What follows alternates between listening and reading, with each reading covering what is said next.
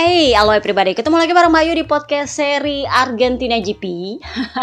Sorry, podcast kali ini agak lambat. Sebenarnya kemarin gue mau recording cuman karena kita lagi long weekend, gue juga lagi liburan, pulang kampung. Nah, kemarin itu ternyata gue ada acara keluarga. Makan malam dan selesainya tuh agak larut jadi gue nggak sempat untuk recording. Paginya udah OTW jadi ya baru bisa sekarang. Oke? Okay? Kita bahas ini kayaknya bakal lama ya karena panjang banget. Jadi yang pertama kita bahas adalah soal Mark Marcus.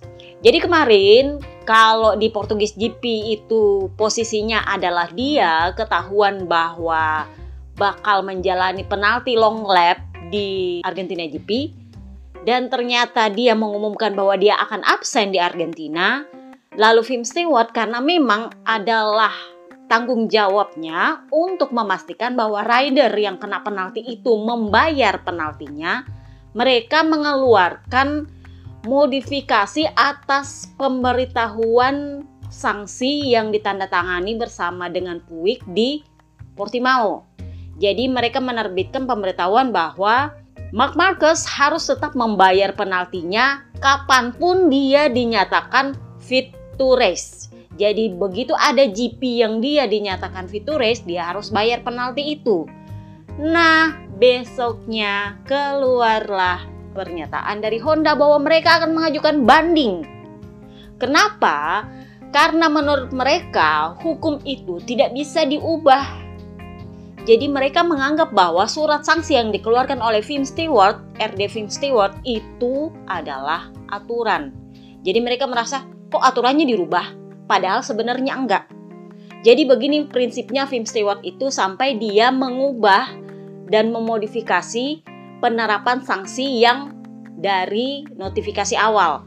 Kalau itu adalah race, kalian masih ingat kan? Misalnya nih kalau lagi race terus ada rider yang melakukan kesalahan misal di kualifikasi atau di FP3 gitu kan, kena sanksi LLP. Oke? Okay? Begitu kena sanksi LLP, ada pemberitahuannya, lu harus bayar sanksi lu. Tiga lap kalau lu nggak bayar, akan ada periode yang baru dikasih memang, tetapi sanksinya diperberat jadinya double LLP. Masih ingat? Gue lupa siapa yang kena kemarin ya, Minyo atau siapa tahun lalu. Jadi seperti itu ceritanya. Jadi kalau di periode pertama lu harus bayar sanksi tapi lu nggak bisa dan kondisinya adalah lu fit to race, Elu tetap harus bayar di periode selanjutnya dengan sanksi yang diperberat. Kenapa? Karena di periode pertama ketika elu harus bayar itu kondisinya adalah elu fit to race. Jadi memang elu harus bayar di periode pertama. Nah ini juga yang dilakukan oleh Vin Stewart kepada Mark Marcus. Oke, jadi Mark Marcus itu dikasih kesempatan untuk membayar sanksinya itu di Argentina GP itu adalah kesempatan pertama dia. Tetapi dia ternyata nggak bisa bayar nih di periode pertama. Kenapa? Karena dia nggak fit to race. Jadinya, Film Stewart mengeluarkan periode yang baru yang berbunyi dia membayar sanksinya di GP mana pun ketika dia dinyatakan fit to race. Tetapi sanksinya tidak diperberat Kenapa? Karena di periode pertama ketika dia harus membayar di Argentina GP itu dia tidak fit to race. Jadi ngerti bedanya rider yang pas lagi race kena LLP dia nggak bayar dikasih periode baru tapi jadinya double LLP karena diperberat karena di periode pertama dia lagi bisa nge-race tapi dia nggak bayar. Sementara kondisinya Mark Marcus dia sebenarnya harus bayar tapi dia tidak fit to race, jadinya dikasih periode baru, tetapi hukuman tidak diperberat. Jadi prinsipnya itu sama sebenarnya. Sebenarnya. In case kalau misalnya Mark Marquez turun fit to race di Argentina GP dan tiga lap pertama sejak keluar peringatan untuk LLP dia nggak lakukan, dia akan tetap dikasih periode baru dengan hukuman yang diperberat. Kenapa? Karena memang dia harusnya bayar di periode pertama di Argentina GP. Begitu waktunya habis tiga lap pertama dia nggak bayar-bayar juga, ya udah akan ada sanksi berikutnya. Jadi seperti itu. Nah sayangnya menurut gua ini Freddy Spencer ini kena jebakan Batman-nya si Puig sama Mark Marcus. Jadi sistemnya itu begini teman-teman. Film Stewart itu bertanggung jawab memutuskan sanksi atas pelanggaran yang dibuat oleh rider. Rider diberi kesempatan selama beberapa jangka waktu kalau di hari Jumat Portimao itu dia dikasih waktu satu jam untuk mengajukan banding. Tapi ternyata waktu itu kan dia nggak ajukan banding yang ada malah besoknya di pengumuman dia nggak bakalan membalap di Argentina. Justru ketika dikeluarkan penerapan sanksi yang baru, periode yang baru, dia mengajukan bandingnya. Nah, banding itu diajukan ke Film Appeal Stewards. Jadi, Film Appeal Stewards itu tugasnya adalah menerima keberatan yang dibuat oleh para pihak terkait, entah itu yang merasa dirugikan atau yang merugikan, untuk memprotes sanksi yang diberikan oleh film stewards. Nah, sebenarnya mereka bisa memutuskan menerima atau tidak banding itu, tetapi film appeal stewards juga main cuci tangan, nggak mau disalahkan. Dia bilanglah kami tidak bisa memutuskan dan menyerahkan keputusan itu kepada MotoGP Court, pengadilan MotoGP. Nah, namanya doang nih MotoGP Court Ternyata kalau di kita kan namanya pengadilan adalah memberikan keputusan yang adil. Sayangnya di MotoGP Court nggak gitu cara mainnya katanya. Jadi mereka tidak akan mempedulikan keadilan dari sisi olahraganya. Jadi mereka nggak akan mempedulikan kondisi, motif, modus, dan segala macam enggak. Yang mereka pedulikan adalah bagaimana fakta ketika surat itu dibuat dan bagaimana aplikasinya terhadap surat itu secara hukum.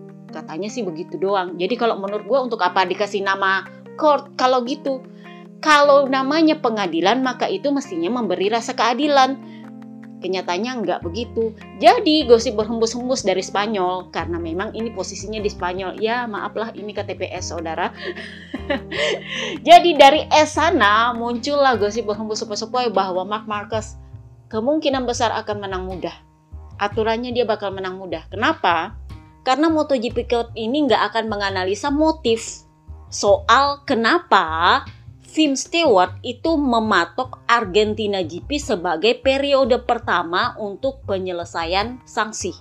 Dan fakta kedua adalah Mark Marcus dan Puig itu ternyata sudah berkali-kali menanyakan ke Tim Stewart bahwa apakah sanksi ini hanya akan dibayar di Termas Dario Hondo. Jadi karena waktu itu gue tau lah Freddy Spencer ini agak-agak sorry tuh saya kalau gue bilang agak-agak bego lah ya emang udah berapa kali kan bermasalah BB Vale itu sampai bilang emang Film Stewart itu paling duluan pulang nggak peduli sama rider. Karena memang mereka itu agak-agak pelimban kalau mutusin apa-apa gitu.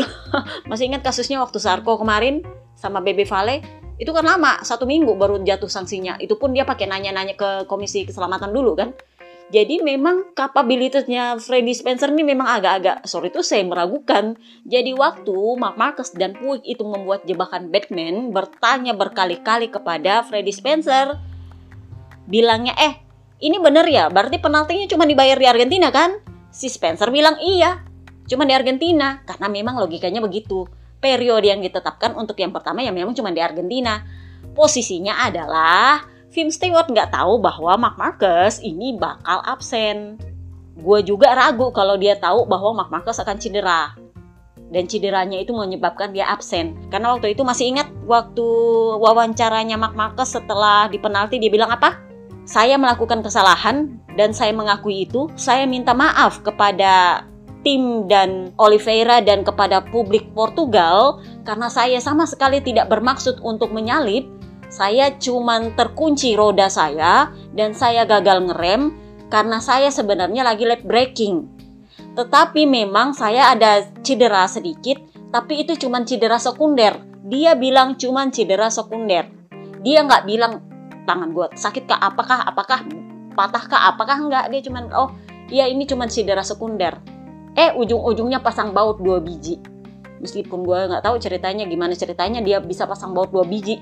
Kalian cek aja lah podcast di seri Portugal. Kalian tahu lah kenapa gue mempertanyakan itu kenapa bisa patahnya di situ. Tetapi memang ada indikasi bahwa Mark Marcus dan Puig itu sengaja menyembunyikan cedera ini untuk menjebak Tim Stewart memberi patokan periode penalti pertama itu di Argentina. Jadi begitu Tim Stewart bilang, oh iya memang cuma harus dibayar di Argentina doang. Si Spencer juga nggak bilang kalau lu udah bayar ya udah. Dia nggak bilang gimana ceritanya kalau nggak dibayar. Karena dia juga nggak tahu bahwa Marcus bakal absen. Eh besoknya ternyata absen. Jadi sebenarnya kalau menurut gue sih nggak salah juga sih Freddy Spencernya kena jebak karena emang dia agak-agak bego gitu. dia nggak mikir. Udah berapa kali sih gue juga bingung kenapa dia nggak diganti-ganti. Heran gue tuh. Jadi ya seperti itulah akhirnya dia termakan omongannya sendiri. Nah itu yang bikin dia terjebak di hearing MotoGP Court. Jadi dia ditanya sama hakim, kita sudah nanya-nanya nih waktu race di termas dari Hondo apa yang terjadi. Katanya nih, kamu itu sudah ditanya berkali-kali sama pihak Honda bahwa apakah benar hukuman ini hanya berlaku untuk Argentina GP dan kamu bilang iya, begitu kamu bilang iya baru mereka tanda tangan. Jadi si Freddy Spencer bilang iya memang begitu ceritanya. Waktu ditanya terus kenapa kamu ubah itu sanksinya jadi begitu, jadi periode kedua dengan bahasa bahwa akan dibayar begitu Mark Marcus mendapat fitur race. Dan jawabannya Freddy Spencer apa? Ya karena kami punya semangat untuk memberikan penalti yang seadil-adilnya. Nggak bisa satu bayar penalti, satu nggak bayar penalti. Nah ini yang membawa dia terjebak ke pertanyaan yang satu lagi. Ditanyalah dia, tapi kan kalau dua periode begitu, jadinya rider diberikan penalti dua kali untuk kesalahan yang sama. Apakah bisa begitu? Freddy Spencer bilang ya nggak bisa. Tapi setelah itu stuck nggak ada bantahan lagi. Kalau gue sih jadi Freddy Spencer ya gue bilang kan di periode pertama dia nggak bayar berarti kita kasih kesempatan periode kedua untuk memastikan bahwa dia harus tetap membayar penaltinya. Kenapa? Karena rider aja kalau lagi ngeres dia belum bayar di periode pertama LLP dia, dia akan diberikan periode kedua dengan hukuman yang diperberat. Jadinya double LLP. Ya masa di Argentina dia nggak bisa bayar, habis itu lolos nggak usah bayar-bayar? Ya kan nggak adil untuk siapa pun itu nggak adil. Tetapi ya seperti itulah Freddy Spencer. Gosipnya sih dia memang katanya merasa dipermalukan karena nggak bisa ngomong apa-apa. Kalau menurut gue sih mungkin karena lu aja kali ya nggak bisa ngomong uh ribet bener satu ini jadi setelah itu rumor mengemuka mulailah kalau kalian lihat gue di twitter kan gue udah bilang kalau begitu ceritanya berarti MotoGP Court ini bukanlah tempat untuk mencari keadilan Kenapa? Meskipun namanya adalah pengadilan MotoGP, nggak memikirkan rasa keadilan, tetapi hanya memikirkan gimana caranya bermain kata-kata. Gua rasa memang ada beberapa orang yang uh, lumayan punya waktu untuk memantau pergerakan protes-protesnya kita di Twitter kali ya. Akhirnya ketua DPRD tingkat pusat yang awalnya di Argentina GP itu sedikit membela Mark Marquez, dia bilang saya tidak melihat ada yang aneh atau ada yang salah dengan manuvernya Mark Marcus, akhirnya kemarin itu bilang e, saya sih rasanya ini barang akan lanjut sampai ke TAS. TAS itu adalah ibarat kata mahkamah agungnya pengadilan olahraga. Jadi olahraga apa pun kasusnya itu mereka mahkamah agungnya. Kalau sudah mereka yang putuskan itu sifatnya ingkrah, semua pihak harus mematuhi udah nggak bisa banding lagi. Jadi kalau di MotoGP Court kalau misalnya Mark Marcus menang nih, Tim Stewart boleh banding. Jadi bandingnya ke TAS. Atau kalau misalnya Mark Marcus kalah, ya dia bisa banding lagi ke TAS. Atau kalau MotoGP Court nggak bisa memutuskan apa pun, ya dia bisa kasih ke TAS. Intinya sih begitu. Kalau menurut gue, udah gue bilang ini adalah cara untuk mengulur-ngulur waktu. Kenapa? Karena sebenarnya Mark Marcus itu mau bayar penalti, mau tetapi jangan di kota. Kurang lebihnya sih seperti itu. Kenapa? Karena kota ini adalah strategi poin untuk dia. Ini adalah sirkuit di mana dia itu king of kota. Gelarnya aja udah king of kota. Jadi bisa dibilang dia menargetkan kemenangan di sana. Kalau dia mesti bayar double LLP di situ, ya potensi untuk dia menang dan potensi untuk dia hure-hure itu akan luntur dengan sendirinya. Kalau cuma LLP doang sih masih bisa, double LLP lo ya. Jadi lu yang potensinya bisa menang ya paling tinggi top 5. Bisa untuk berjudi untuk menang tapi itu terlalu beresiko. Jadi ini adalah salah satu cara dia mengulur waktu supaya dia bisa turun di kota tanpa menunaikan LLP dia. Kalaupun nanti misalnya dia kalah atau bagaimana bagaimana bagaimana, ya tetap dia akan mau bayar penaltinya ya nanti di Heres atau di mana kek pokoknya jangan di kota. Itu aja sih intinya. Ini adalah salah satu caranya. Tetapi gosip berhembus sepoi-sepoi Freddy Spencer juga gosipnya nggak terima. Dia dipermalukan di MotoGP Court. Jadi Meskipun Mark Marquez itu bertekad untuk turun trek di kota, bahkan Stephen Bradl kemarin udah selesai menguji sasis Kalex untuk dia, gosipnya berhembus sepoi-sepoi, Kim Stewart berencana untuk menunda kehadiran dia di kota. Jadi ibarat kata, Vince Stewart itu berpegang pada keputusan dia bahwa Mark Marquez harus membayar penaltinya di kota. Karena itu adalah first GP he fit on. Jadi kalau di kota Mark Marquez fit berarti dia harus bayar dong. Jelas Vince Stewart akan berpegang pada itu. Sementara Mark Marquez berpegang pada bandingnya. Kan belum diputusin, berarti gue masih bisa turun balapan dong. Ya bener juga. Tetapi RD, DPRD tingkat pusat Carmelo Speleta bilang, kami menghormati Film Stewart sebagai badan yang mendedikasikan dan bertanggung jawab untuk menjatuhkan hukuman pada rider. Mereka berhak memutuskan apakah rider ini akan turun trek atau enggak, akan tambah penalti atau enggak. Jadi ya kita lihat. Kalau gue pikir sih sepertinya Mark Marcus memang akan akan ke Amerika, tetap akan ke Austin. Tapi apakah dia akan turun balapan atau enggak, itu kita akan lihat lagi drama barunya. Jadi kurang lebihnya sih seperti itu saking memburuknya image Mark Marcus gara-gara banding ini, itu Oscar Haro tuh sampai berspekulasi bahwa ada kemungkinan dia meninggalkan Honda akhir tahun ini. Red Bull gosipnya sedang melobi KTM untuk mencarikan seat bagi si Jordan Rakor ini. Karena kan dia sponsor utamanya Red Bull. ya makanya dia seradak seruduk sama lah sama Binder kan seradak seruduk kiri kanan ya karena mereka orang Red Bull Masalahnya adalah apakah Mark Marquez cukup pengecut untuk meninggalkan Honda satu tahun lebih cepat? Kontrak dia kan sampai 2024. Jadi Jorge Lorenzo, rider pensiun artis itu punya analisa sendiri. Dia bilang memang kondisinya Honda saat ini adalah motor terburuknya setelah sekian lama. Jadi selama ini kan motornya bagus, bagus, bagus terus. Nah ini adalah motor terburuknya setelah sekian lama selama ini. Tetapi saya juga tahu Mark Marcus adalah rider yang ingin membuktikan bahwa dia bisa menang dengan motor seburuk itu. Jadi nanti setelah dia berusaha dan mentok-mentok juga baru dia akan memutuskan apakah dia akan pindah atau dia akan melanjutkan dengan Honda. Dan itu bukan berarti Honda nggak bisa menang lagi, bukan berarti seperti itu. Dia terpuruk tahun ini belum tentu tahun depan atau dua tahun depan dia masih terpuruk. Belum tentu. Jadi ya Jorge Lorenzo nggak merasa bahwa Mark Marquez akan meninggalkan Honda lebih cepat. Dia justru mikirnya Mark Marquez itu akan berusaha untuk menang gimana pun caranya dengan Honda sampai kontraknya habis setelah itu baru mikir ini mau pindah apa enggak. Dan kalau menurut gue, kalaupun dia mau pindah itu nggak bakal ke KTM. Banter ke Ducati. Kenapa? Karena ada adiknya di sana. Meskipun faktanya dia adalah rider Red Bull Kenapa? Lu tahu bedanya Stephen Pirer sama Gigi Dalinya apa? Lu tahu bedanya Stephen Pirer dengan Ciabatti?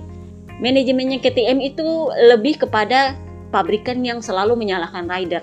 Sementara Ducati itu adalah pabrikan yang mendengarkan ridernya karena mereka punya banyak rider, mereka punya banyak masukan untuk tahu posisi motornya di mata para rider itu seperti apa.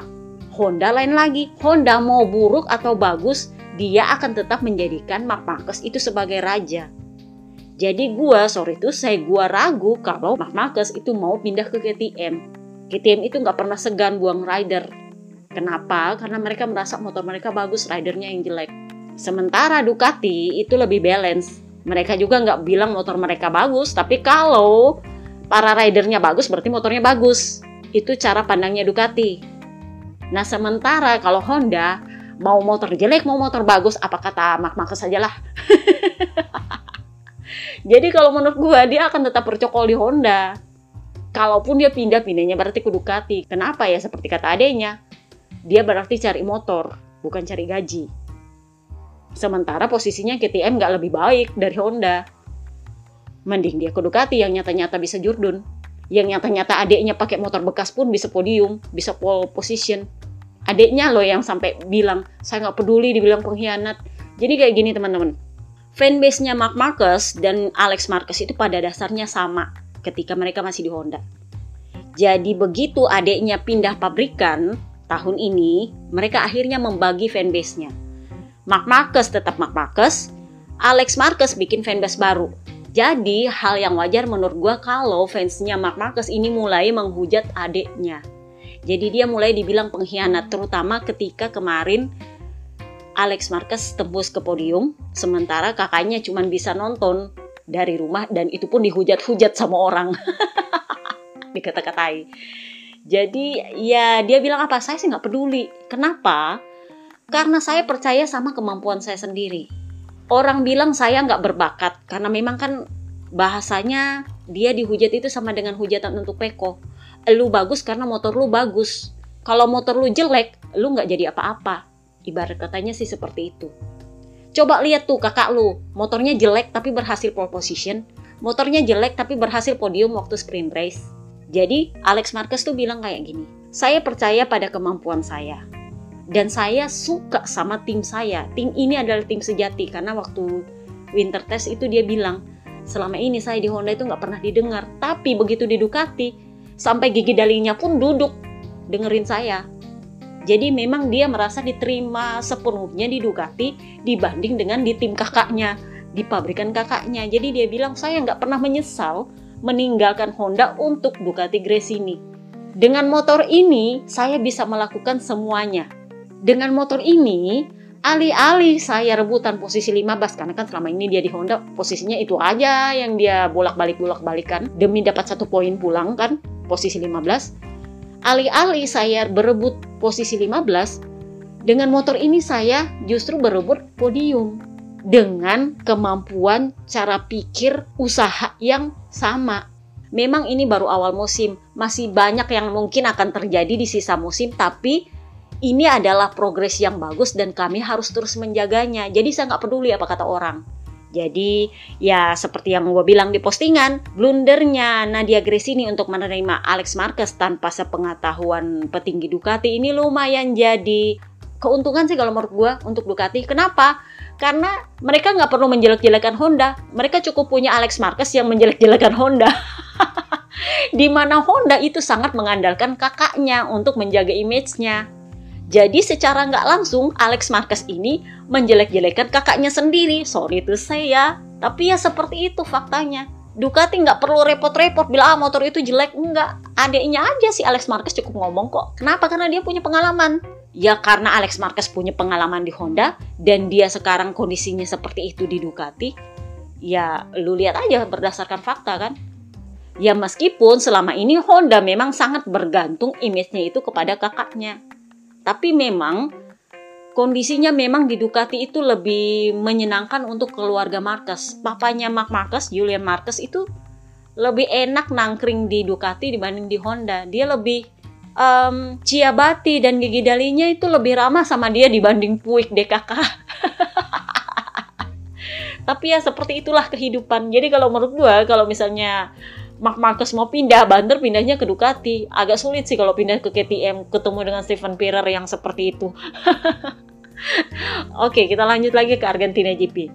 Jadi di Argentina GP ini yang gak turun adalah Enea Bastianini, Paul Espargaro yang terakhirnya dia sudah keluar rumah sakit. Um, katanya sih sudah bisa jalan. Lagi rehabilitasi untuk punggungnya, belakangnya kan sempat patah. Kemudian Oliveira, lalu Mark Marcus. Jadi empat rider yang nggak ikut di Argentina GP. Dari 22 berarti cuma 18 yang start. Nah, di Argentina GP ini ban yang turun adalah ban simetris.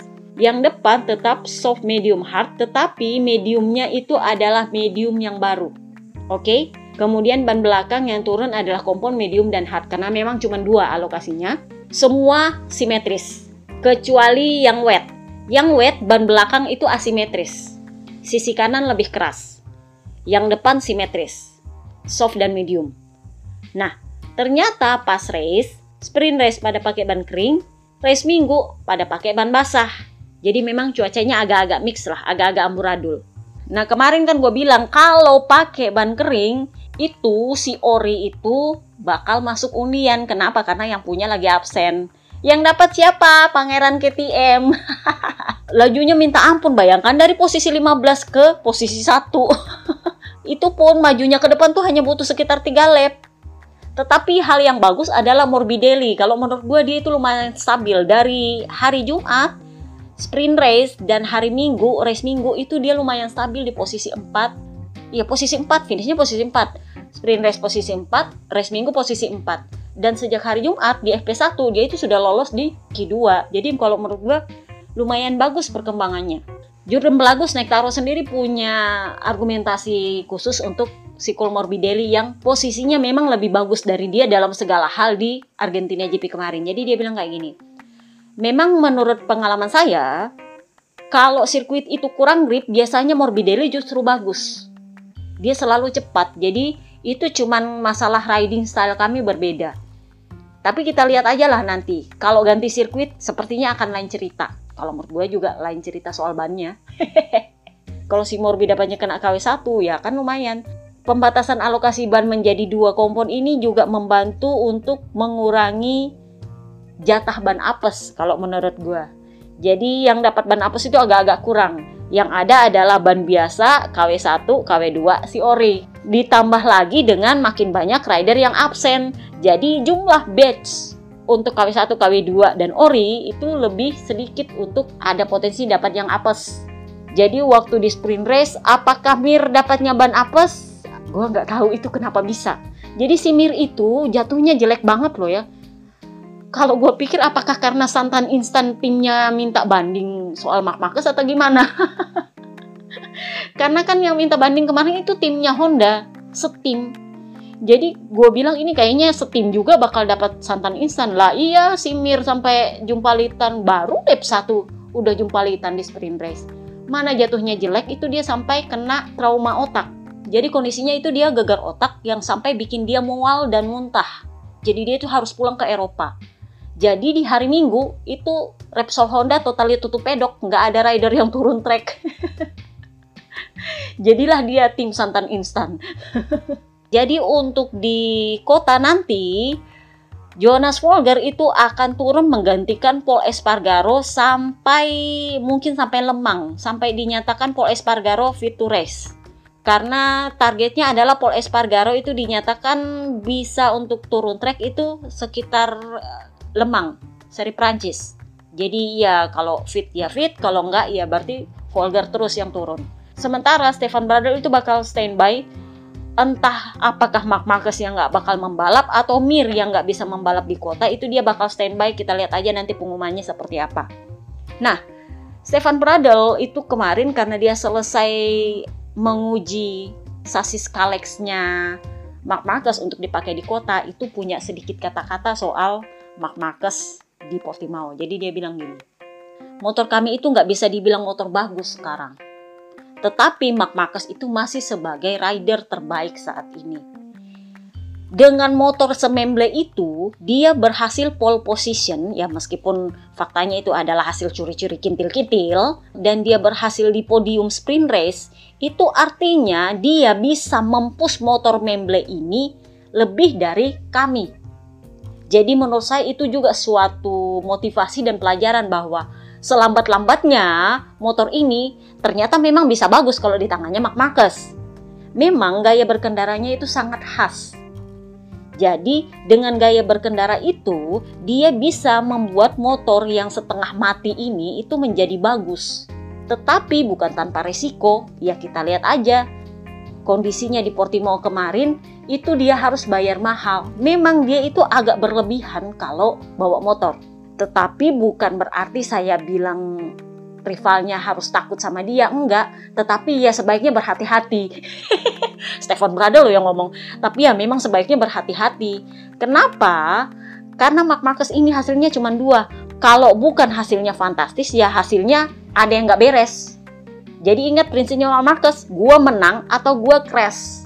Dan gue crash itu masalahnya adalah lu nyeret orang atau lu merugikan orang atau lu crash sendiri.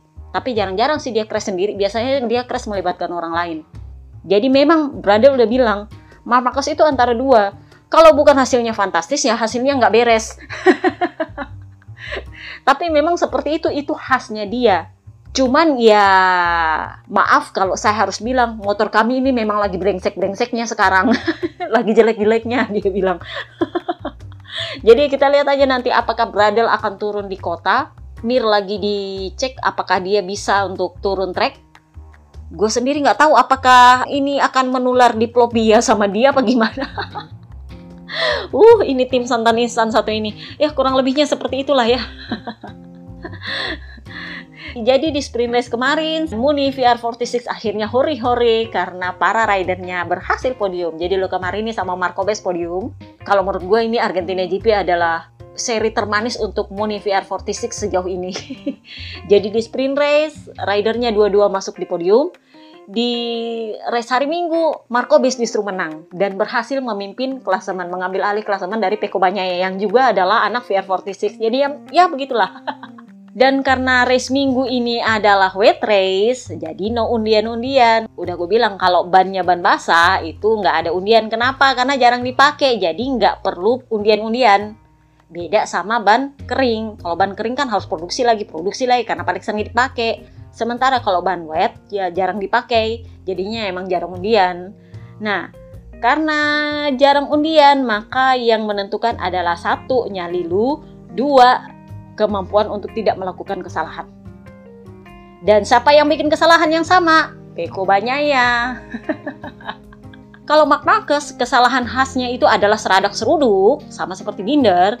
Kalau Peko banyak ya, kesalahan khasnya itu adalah jatuh sendiri. nggak ada angin, nggak ada hujan, jatuh aja. Dia tuh sampai bingung sendiri, rasa sendiri bingung kenapa saya jatuh. Tapi yang jelas pasti ada kesalahan dan itu adalah kesalahan yang menurut saya mestinya saya belajar dari tahun-tahun lalu kan itu kesalahannya dia gitu. Jadi dia bilang setelah bertahun-tahun itu kesalahan. Saya pikir saya belajar ternyata nggak juga. Dia sendiri bingung kenapa dia jatuh? Karena menurut dia dia itu crash ketika dia sedang berakselerasi bukan ketika dia ngerem. Jadi dia bingung ini yang salah apa? Ya kita nggak tahu lah apa yang terjadi. Mungkin karena memang treknya licin karena itu ban basah. Karena ban basah pun bukan berarti banyak nggak gampang habis. Kalau udah aus ya udah Kenapa? Karena Markobes sendiri bilang yang menang dengan selisih 5 detik itu aja bilang, saya itu 7 sampai 9 lap terakhir itu setengah mati karena ban saya udah aus. Jadi ya memang bisa dibilang saya juga gimana caranya supaya nggak melakukan kesalahan. Jadi memang ban wet itu tetap ada potensi ausnya. Si Binder sendiri yang menang di sprint race itu justru harus crash di wet race. Si Miller itu mengakui bahwa ban dia habis udah jarak pandang yang setengah mati di lap-lap terakhir ban dia habis. Ya udahlah dia pasrah aja. Dia udah mempus sebisa dia dia bilang. Saya berusaha untuk nggak crash yang penting finish dan dapat poin itu aja. Kemudian Ducati itu berhasil menaikkan semua rider satelitnya di podium. Yang nggak podium dan justru di NF itu malah rider pabrikannya. Rider satelitnya semuanya naik ke podium. Zarco, Alex Marquez, Marco Bes jadi dengan itu Ducati membuktikan bahwa semua motornya sama rata. Mau bekas mau pabrikan sama bagusnya. Jadi mereka tanpa perlu menjelek-jelekan pabrikan lain itu membuktikan bahwa mereka memang punya motor terbaik di track. Jadi jangan aneh bila tim satelit itu memang awet sama mereka karena memang servisnya bagus yang sedikit agak ketir sih memang si Peko karena dia kan berharap punya performa yang stabil. Dan Domenicali si bosnya Ducati itu sampai bilang gini Peko itu berani memakai nomor satu. Dia sudah tahu bahwa beban dia itu berat kalau mau pakai nomor satu. Jadi dia memang harus bertanggung jawab untuk gimana caranya pakai nomor satu ini tetap bertahan Pablo Nieto sih sejauh ini bilang bahwa si Peko sama Markobes akan baik-baik saja. Meskipun Markobes berhasil mengkudeta Peko dari singgah sana pemimpin klasemen, si Nieto bilang ah itu kan baru awal musim jadi ya banyak hal yang bisa terjadi di sisa musim lah. Matteo Flamini sendiri itu sampai bilang ke Markobes bilang eh Bes ini bukan apa-apa ya ini baru kemenangan pertama kita nggak tahu nanti besok-besok akan terjadi apa Kenapa? Karena saya itu kerja sama bosmu Valentino Rossi itu udah 15 tahun. Itu performa rider itu up and down. Hari ini menang, besok ngelosor. Jadi nggak usah terlalu jumawa soal ini, Bes. Hal yang dipuji oleh Matteo Flamini soal Marco Bes ini adalah bahwa dia punya sifat-sifat yang mirip dengan Bebe Vale. Jadi lebih memperhatikan telemetri, lebih suka bercanda, lebih ramah, dan lebih detail. Dia mau belajar jadi nggak arogan jadi nggak yang arogan harus gini harus gitu nggak dia belajar gimana caranya bisa lebih baik lap per lap itu yang disukai oleh Flamini dari Marco Bes Uchiha sendiri sebagai bosnya VR46 Management itu bilang nggak akan ada perubahan drastis hubungan antara Peko dengan Marco Bes. Kenapa? Karena mereka ini memang teman akrab di VR46 dan memang bisa dibilang sahabatan dia Marco Bes Minyo. Itu sama gilanya. jadi dia bilang ah ini kan baru awal musim. Jadi Ujo bilang nggak masalah lah mereka itu udah biasa. Di range aja mereka bisa gontok-gontokan sambil ketawa-ketawa kok. Ini kan lain lagi ini kan sudah kejuaraan ini kan sudah balapan. Masing-masing memikirkan dirinya sendiri. Di range aja mereka nggak pakai acara segan-seganan ya apalagi kalau balapan. Logikanya sih emang bener. Sementara Jorge Martin ini dia ini kayaknya kena seruduk-seruduk terus deh. Kalau kemarin dia diseruduk sama Mark Marquez, di Argentina dia diseruduk sama Takaaki Nakagami. Ini Taka ini, jadi dia itu dikomplain sama Snake Taro. Gara-gara dia benturan sama Takaaki Nakagami, dia tercecer.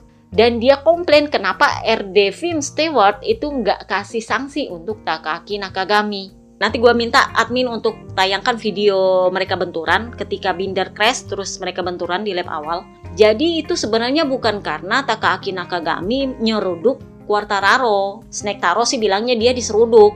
Dia bilang kayak kami kasa diseruduk aja. Enggak. Jadi memang gini, Takaki Nakagami itu memang dari belakang, lebih di belakang daripada Quartararo. Tapi titik pengeremannya sama, lainnya sama.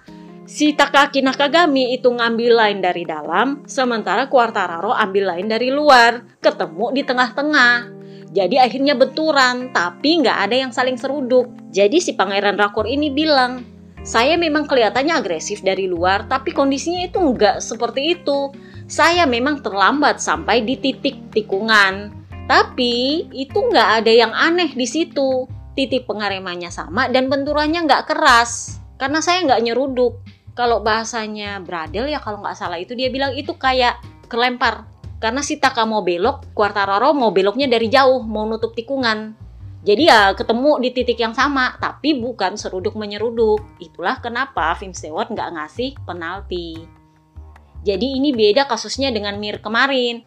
Kalau Mir itu memang kondisinya dia dari belakang, tapi Snake Taro itu udah kadung rebah. Jadi dia ngisi. Itu makanya dia kena penalti. Sementara si Quartararo itu mereka sama-sama belum rebah masuk si Takaaki Nakagami baru Quartararo rebah. Saling benturan lah di situ. Karena titiknya sama titik lainnya mereka ketemu. Bukan karena Takaaki Nakagami mau menyalip tapi karena memang lain mereka ketemu di tikungan situ. Si lainnya Takaaki Nakagami memang di dalam sementara Quartararo mau masuk untuk menutup tikungan. Ini sebenarnya ceritanya sama dengan Mark Marquez dengan Oliveira. Tapi bedanya adalah Mark Marcus itu nggak ngerem di situ, dia nyeruduk. Sementara Oliveira udah duluan menutup tikungan, udah duluan di depan, keseruduk lah dia. Sementara kalau kasusnya Snake Taro sama Takaki Nakagami ya sama-sama lainnya, kebenturnya di situ. Jadi nggak nyeruduk sih sebenarnya, tapi ya agak drama lah menurut gue Quartararo.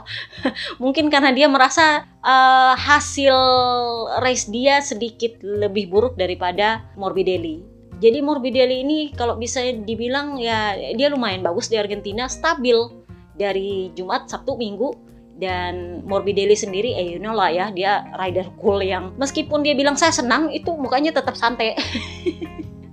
Jadi Morbidelli itu sampai bilang saya bisa mengatakan kepada Anda bahwa saya senang meskipun mungkin Anda tidak melihatnya. itu saking santai banget mukanya tau nggak? Jadi dia bilang kayak gini, ini adalah progres yang bagus untuk saya. Saya berharap di Austin nanti feeling ini adalah feeling yang sama untuk Austin nanti. Karena saya ingin mempertahankan progres yang bagus ini. Tapi ya kita nggak tahu lah namanya MotoGP. Sekalinya bagus, sekalinya jelek ya kita nggak tahu. Tapi saya berharap kita akan tetap bagus di Austin kita lihat aja lah nanti akan seperti apa. Oh kita mau bahas Rins ya. Jadi si Rins itu kemarin yang dia komplain adalah jarak pandang. Jadi kan karena wet race, jadi dia bilang saya itu agak susah melihatnya. Jadi saya itu kadang-kadang agak keluar line untuk gimana caranya saya bisa membersihkan visor saya dengan angin. Jadi dia harus keluar untuk membersihkan visor pakai angin karena kalau dia balik lagi ke belakang motor lain itu dia kena muncratan lagi. Jadi dia bilang itu visibilitasnya jelek banget. Tetapi ya lumayan bagus lah. Menurut saya saya lebih cepat daripada warm up. Dan kebetulan karena Mark Marcus absen, dia akhirnya dapat sasis baru. Jadi sasisnya Mark Marcus itu dikasih ke dia.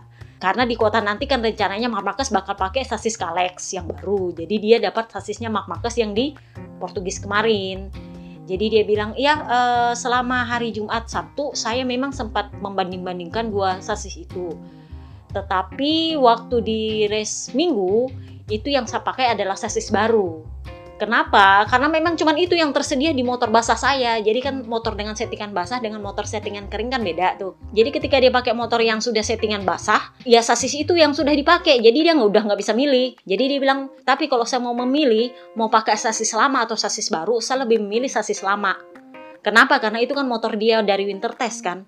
Dia sendiri udah bilang motor saya itu beda sama motor para pabrikan ya, karena memang beda sasis. Jadi dia bilang kalau mau pilih sasis lama sama sasis baru, saya lebih pilih sasis baru. Tapi ya karena emang udah itu yang dipasang di motor basah ya udah dipakai aja. Jadi ya seperti itulah ya dia bilang yang penting saya sudah merasakan oh seperti ini nih wet race pakai motor Honda. Terakhir kita bahas Aprilia. Papa kembar gosipnya lagi nggak seneng banget. Gua nggak tahu apakah memang Aprilia itu nggak cocok untuk race basah atau gimana. Kenapa? Karena memang Papa Nina sendiri bilang RSGP ini bagus kalau di track kering, tetapi ini adalah pertama kalinya kita pakai track basah. Dan mungkin karena kami kekurangan data, jadi memang nggak terlalu bagus performanya. Sementara papa kembar itu ngomel-ngomelnya adalah karena ban. Jadi dia bilang itu ban saya kayaknya gembos deh. Geol-geol, nggak bisa dikendalikan dan nggak ada grip. Jadi dia bilang saya susah balapannya. Mana itu visibilitas jelek banget, ditambah dengan ini ban kayak flat, dia bilang flat tire, bannya gembos. Jadinya ya emang nggak bisa ngapa-ngapain. Jadi ya seperti itulah Ducati yang paling hore-hore meskipun ya yang getir cuman Peko ya. Kemudian Yamaha ya mix si Morbidelli senang, Quartararo masih nggak terima Takaki Nakagami nggak kena penalti. KTM yang kalau lo dapat ori bagus, kalau nggak dapat ori ya begitu. Sementara Aprilia ya harus mengakui bahwa mereka masih kurang data untuk wet race. Sementara Honda ya race juga punya panjangan sendiri. Oke, kita sudah bahas soal perpabrikan. Kita bahas nih soal Toprak Rasgat Lioglu. Dua hari lalu itu dia ngomong. Kalian kalian tahu di awal tahun lalu itu dia sempat minta untuk dipromosikan ke MotoGP. Waktu itu musim WSBK 2022 belum dimulai. Jadi dia masih fresh jadi Jurdun WSBK tahun 2021. Dia minta untuk dipromosikan, tetapi waktu itu Yamaha nggak bisa promosi dia. Kenapa? Karena kadung ada Franco Morbidelli yang kontraknya baru berakhir tahun ini. Jadi nggak bisa dipromosi untuk tahun ini dia. Dia kan mintanya tahun 2023 tuh naik naik kelas, tapi nggak dikasih karena memang masih ada Morbidelli. Nah, tahun 2022 ternyata Alvaro Bautista yang menang. Nah, karena dia gagal mempertahankan Jurdun, Yamaha sedikit melupakan dia di akhir musim. Nah, muncullah gosip berhembus sepoi-sepoi bahwa Jorge Martin itu sudah buat kesepakatan dengan Yamaha bahwa kalau ternyata dia bagus di Ducati, dia itu minta seat pabrikan di Yamaha. Kenapa? Karena untuk masuk ke tim pabrikannya Ducati udah mustahil. kontraknya Enya Bastian ini sama Peko Banyaya itu nggak bisa diganggu gugat. Jadi kalau dia mau seat pabrikan ya, ya satu-satunya cuma bisa ke Yamaha. Selain itu, Yamaha juga buat pertemuan dengan Alonso Lopez dari Moto2 untuk merekrut dia. Karena memang di Argentina GP juga kemarin dia bagus. Memang ini anak bagus. Ya kalau digadang-gadang orang gadang-gadangnya Acosta, sebenarnya ya Alonso Lopez sih yang menurut instingnya Yamaha lebih bagus. Jadi mereka gosipnya itu sudah ada pembicaraan di akhir tahun kemarin. Kalau Pedro Acosta itu kan Alsamora tuh yang pegang. Menurutnya Oscar Haro itu kalau Mark Marcus itu di lobby sama Red Bull untuk pindah ke KTM, Pedro Acosta yang bakal naik bersama manajernya Alsamora ke Honda menggantikan posisinya Mark Marcus. Kalau menurut gue sih itu adalah hipotesa yang agak kurang masuk. Kenapa? Kalau kalian baca postingan tahun lalu, itu Opa Pernat udah bilang Alsamora itu didepak karena permintaan Honda. Jadi Alsamora lah yang gak akur sama Honda, makanya didepak. Karena Honda itu dalam tanda kutip selalu meminta ridernya Mark Marcus itu untuk dalam tanda kutip Romusa belum bagus lengannya udah disuruh turun trek. Belum bagus lengannya udah disuruh turun trek. Jadi Asamora itu agak kurang suka. Kenapa? Karena menurut dia itu justru nggak bagus untuk performanya Mark Marcus itulah kenapa Honda nggak mau Alsamora dipakai terus sama Mark Marcus digantilah. Jadi mantan marketingnya Red Bull. Jadinya ya gue sendiri agak-agak nggak yakin kalau Pedro Acosta mau masuk Honda selama manajernya masih Alsamora. Kecuali dia ganti manajer, bukan Alsamora lagi, mungkin Honda mau rekrut. Tapi kalau enggak, enggak. Dan gue sendiri nggak yakin Stefan Pirer sebagai bosnya KTM itu mau lepas Pedro Acosta. Dia ini kemungkinan akan seperti Raul Fernandez yang akan dipaksakan naik ke KTM MotoGP. Gue nggak yakin Stefan Pirer itu mau menukar Pedro Acosta dengan Mark Marquez, meskipun itu atas perintah Red Bull. Tapi ya kita lihat aja lah nanti. Nah, kembali lagi soal Toprak. Jadi si Toprak itu kemarin karena dia sudah dengar-dengar bahwa Martin dan Alonso Lopez itu udah di lobby-lobby untuk menggantikan Franco Morbidelli dan ada gosip lain bahwa Franco Morbidelli kemungkinan akan dipindah ke Yamaha WSBK sebagai solusi win-win solution untuk bisa mendapatkan Muni VR46 kayaknya Toprak mulai merasa gue mesti maksa nih. Selain itu juga ada gosip berhembus sepoi-sepoi itu Quartararo katanya nih pengen putus kontrak lebih cepat. Jadi kontraknya itu kan tahun ini sama tahun depan. Katanya sih mungkin dia akan putus kontrak tahun ini, tahun depan dia udah nggak di Yamaha. Kenapa? Karena dia kecewa dengan M1 yang dijanjikan oleh Yamaha ketika dia tanda tangan perpanjangan tahun lalu itu ternyata nggak sesuai dengan yang dijanjikan kurang lebihnya sih seperti itu. Jadi Toprak itu kemarin menyentil Yamaha. Dia bilang kayak gini tahun depan saya pengen di MotoGP.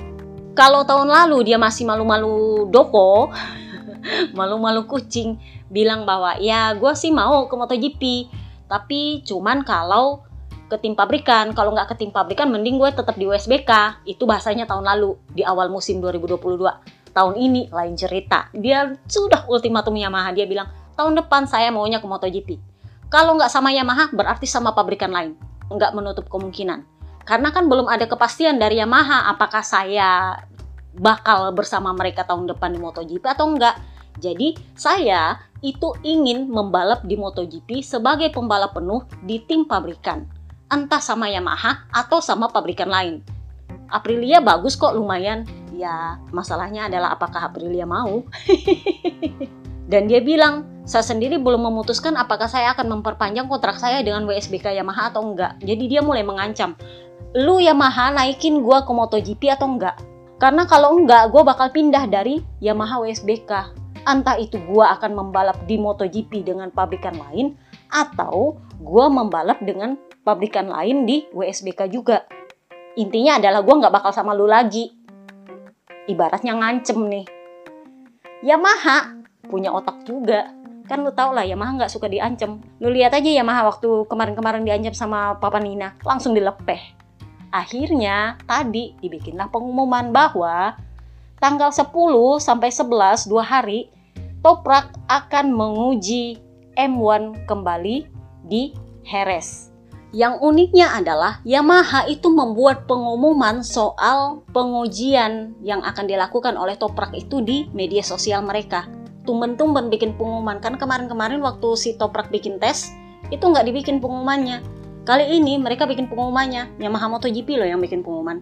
Uh, sempat itu mengundang pertanyaan karena memang jarang-jarang banyak yang melihat bahwa Yamaha memberikan peringatan bagi para ridernya memberikan peringatan kepada Toprak, memberikan peringatan kepada Quartararo, dan memberikan peringatan kepada Morbidelli. Kenapa gue bilang memberikan peringatan kepada Toprak? Karena Toprak itu sebenarnya sempat ditawari wildcard, lu wildcard dulu lah. Karena kan awal tahun 2022 kemarin kan dia minta tuh naik kelas, ditawari lu wildcard aja lah dulu. Tapi dia nggak mau, dia maunya jadi pembalap penuh dulu. Akhirnya ya udah kalau gitu lu tes aja lah dulu. Tahun lalu kan dia ngetes, dia bilang ya kecepatan lumayan lah mirip-mirip MotoGP. Nah kali ini setelah dia nyentil Yamaha lagi, dikasihlah kesempatan untuk ngetes lagi besok tanggal 10 sampai tanggal 11. Intinya adalah Yamaha mau menyadarkan Toprak bahwa kalau lu nggak cukup cepat untuk MotoGP, jangan memaksa naik ke MotoGP. Kenapa? Karena yang ngantri dari Moto2 itu banyak.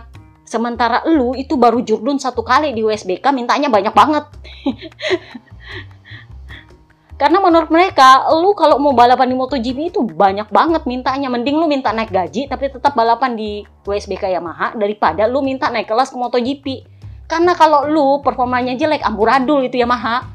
Udah amburadul sekarang makin amburadul sama lu. Kurang lebihnya sih seperti itu. Pengen menyadarkan Toprak. Jadi, kalau tesnya nanti ternyata Toprak nggak sebagus rider MotoGP atau nggak bisa cukup bersaing dengan MotoGP kecepatannya, ya berarti dia sadar diri sendiri. Bener nggak?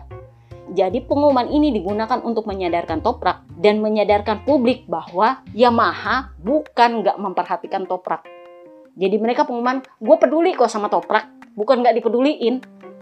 Cuman tesnya kemarin kan dia udah pernah dan hasilnya ya gitu-gitu aja. Jadi kalau mau tes lagi ya yuk. Cuman ya tes kali ini bukan tanpa konsekuensi.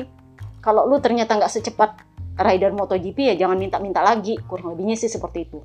Ini juga untuk memperingatkan Quartararo dan Morbidelli. Entah Quartararo, entah Morbidelli, siapa pun rider Yamaha yang berniat untuk pindah dari Yamaha karena dia kurang puas, ya apalagi kalau bukan Snake Taro, atau performanya nggak bagus, apalagi kalau bukan Morbidelli, ya lu bisa digantiin sama Toprak.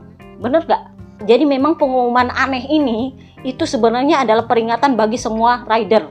Ya Topraknya, ya Morbidellinya, ya Quartararo-nya hal lain kenapa gue bilang pengumuman ini adalah teguran untuk Toprak juga karena Yamaha itu emang nggak suka diancam. Dan kalau memang Toprak itu memutuskan untuk memperpanjang kontraknya dengan WSBK Yamaha tahun depan gara-gara nggak dikasih seat MotoGP itu bakal tempatnya Morbidelli.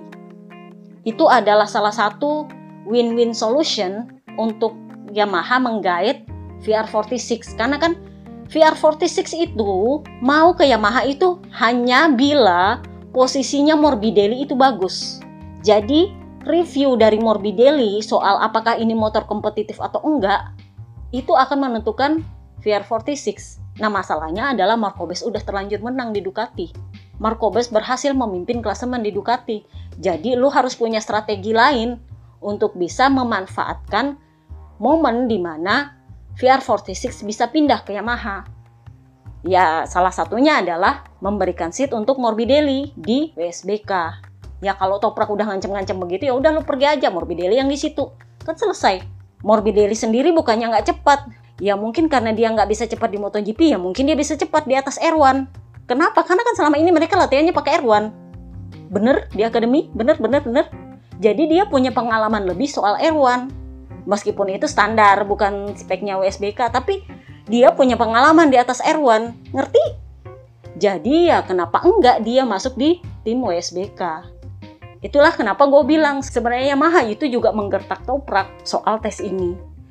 Jadi ya strateginya Yamaha lumayan oke okay lah untuk dapat VR46 eh ini kan rider lu bukannya gue nggak perlakukan dengan baik gue rasa dia mungkin bisa bagus di USBK karena selama ini kan latihannya pakai R1 ya lu tetap ke sinilah demi sejarah kita ya menurut gue ya wajar juga sih tapi yang jelas Yamaha udah punya rencana cadangan juga nggak bisa diancam-ancam Morbidelli itu adalah rider yang paling gak ngancem-ngancem sih sebenarnya dia itu gak neko-neko. Bayangin di antara buruk-buruknya Portimao kemarin dia masih lihat yang bagus-bagusnya loh. Sampai yang gemes itu malah Ramon Forcada. Lu bayangin, dia itu paling gak pernah menjelek-jelekan Yamaha. Dan giliran performa dia bagus, itu dia tetap memuji Yamaha jadi memang kalau bisa gue bilang rider paling loyal untuk Yamaha itu ya cuman Morbidelli. Dia ini sama dengan gurunya. Mau dibego-begoin seperti apa sama Yamaha ya tetap aja dia setia sama Yamaha. Lu lihat itu Quartararo, kalau motornya nggak sesuai mau dia, ya dia ngelubal panjang pendek. Lu lihat itu Toprak, kalau maunya nggak diikuti, ya dia ngancem. Lu lihat kalau Bebe Vale sama Morbidelli, pasrah aja, mau dikasih apa ya gitulah. Tapi mereka adalah rider-rider yang menurut gua itulah yang dicari oleh Yamaha. Dan kalau Morbidelli di depak itu konsekuensinya lumayan gede untuk Yamaha. Karena VR46 makin mikir untuk bergabung jadi satelitnya mereka. Sementara Yamaha itu butuh duit. Ya kita lihatlah nanti dunia perpolitikan tim ini seperti apa. So itu aja podcast kita kali ini. Seperti biasa maaf kalau panjang karena sepertinya gue akan minta admin untuk memasukkan video crashnya Binder bersamaan dengan senggolan antara Quartararo sama Takaki Nakagami. Oke, okay? see you next time guys. Bye bye.